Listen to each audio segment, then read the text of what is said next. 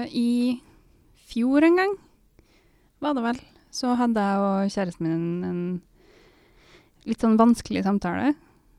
Um, for vi hadde hatt litt sånn kjipe perioder av og på, som man jo har i et forhold. Uh, og vi har hatt noen runder med det tidligere, da. Hvor vi har ja, ganske enkelt snakka da om det er vits i å være sammen eller ikke. Fordi vi syns det er vanskelig å bestemme oss for hva det er som er en for vanskelig tid til å fortsette å være sammen, og hva det er som bare er en vanskelig periode. Så vi hadde en sånn lang samtale med grining begge to, og eh, alt føltes vanskelig. Um, men så vet jeg jo også at det skjer fordi vi har forskjellig utgangspunkt, jeg og han. Han er oppvokst med at man holder sammen altfor lenge. Han så liksom det på sine foreldre, at de var sammen i årevis lenger enn de burde ha gjort. Uh, mens mine foreldre, det jeg husker, er at hvis de krangla, så gikk en av dem De stakk, liksom. Så det gjør det jo litt vanskelig for oss å finne noen ting imellom der, da. Oss to imellom. For når han står i det uansett, så blir jeg usikker på om han egentlig har lyst til å gå, egentlig burde ha gått. Og når jeg vet at jeg går for tidlig, så gjør jo det at Men da går jeg aldri. Og så Det låste seg der, da. Jeg syns det blir feil fordi det, det, blir for lett, på en måte. Og det gjør også ting veldig vanskelig.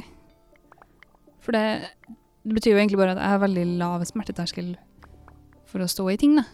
Jeg merker også det at de gangene jeg har øvd meg på å bare stå i det som er vanskelig, så har jo jeg økt kapasiteten min til å håndtere situasjoner som er ubehagelige, og som har gjort at jeg også kunne ha diskutert mer. Jeg har kunnet krangle med vennene mine uten at jeg er redd for at de skal gå fra meg, f.eks. For, eksempel. for det er jo også en ting. Jeg forventer at folk håndterer det på samme måte som jeg gjør. Så jeg tenker at OK, nå er det vanskelig. Enten så går den andre personen, eller så går jeg. Da går jeg først. så har man på en måte berga seg fra den situasjonen, tenker jeg. Og så ser jeg at det er veldig vanskelig for dem som har det motsatt også, at de alltid står for lenge i det. Og da tenker jeg at de går glipp av så mye bra hvis de alltid skal si ja til ting de ikke vil ha. Det er vel litt den der uh, FOMO-greia som er veldig i tiden. Alt det man føler man går glipp av. Man blir så påminnet alt det man mister hele tida. Du kan ikke være alle steder på en gang, og du kan ikke få med deg alt som skjer. Så det, det er det å ta valg, da, og det å ikke stole på sin egen evne til å ta valg. Jeg tror det er det det går i. Jeg tenker veldig mye på det, da. Hva Hvis jeg velger det ene her, hvis jeg velger å bli i det forholdet, betyr det at jeg da gir avkall på noe annet? Hva hvis det tilfeldigvis er en sånn uh, drømmekjæreste som er fri og frank akkurat nå, men som, som da finner seg noen andre mens jeg er i et forhold, eller man aldri rekker å møtes, da. Ja, man, kan jo gå fra vettet å tenke på sånne ting. Jeg er glad jeg har blitt i det forholdet jeg er i nå.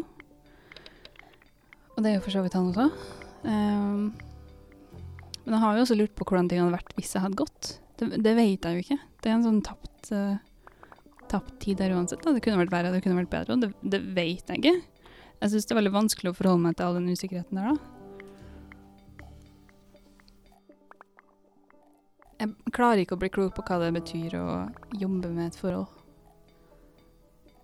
Jeg ser uh, folk som er i 50-årene som poster på Facebook at uh, ja, nå har vi uh, 20 års bryllupsdag, og vi har jobba hardt for det. Og så sitter jeg der og bare tenker hva, hva betyr det, da? Hva, hva slags arbeid er det snakk om? Hva slags oppgaver innebærer det? Hva slags rutiner må man legge inn? Hva slags krangler er det som er greie å stå i? Og så driver jeg og lurer på hva slags ekteskap er det som kanskje helst burde tatt slutt, hvis målet er at begge skal ha det så bra som mulig.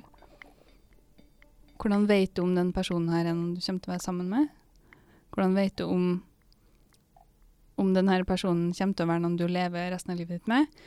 Og i det hele tatt, hva hvis det blir slutt, da? Er det her en person som er en grei eks å ha? Det kan man jo ta seg en lur på. Men i det hele tatt så tenker jeg at målet er å komme så nært som mulig et hyggelig liv som man kan, da. Og prøve å orientere seg deretter. Jeg tror ikke det finnes noe rett eller galt måte å løse noe på. Det gjør jeg ikke. Men jeg tror at man kanskje for evig alltid kommer til å gå og lure på hvordan ting hadde vært hvis man valgte noe annet. Jeg merker jo at de gangene jeg har gjort gode valg i mine egne relasjoner og i min egen situasjon med jobb og alt det der, da er det Det er lettere for meg å stole på meg sjøl da. Det er lettere å vite at jeg trenger ikke nødvendigvis noen andre sin mening for at det her skal gå bra. Jeg får det jo på en måte til. Tar bare litt tid. Og det er noen ting med å være ærlig med meg sjøl på hva det er jeg syns, og hva det er Hvor mine faktiske grenser går, og hva ønskene mine er.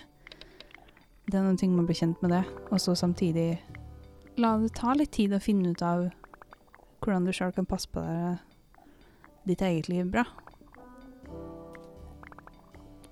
Men det, det tar litt tid. Det gjør det. Og det kommer til å være en del fram og tilbake. og Samtidig som man for evig og alltid sikkert kommer til å ha den usikkerheten her, så tror jeg man for evig og alltid kommer til å bygge opp sin egen selvtillit, da. Hvor man sakte, men sikkert blir litt tryggere på å stole på seg sjøl. Og kanskje man på slutten av det hele finner ut at man er et ålreit menneske som klarer å ta ålreit valg.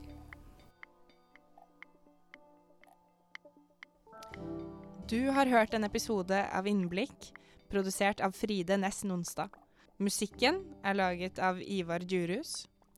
Og det kommer nye episoder hver torsdag, så abonner gjerne, og følg med. Monster.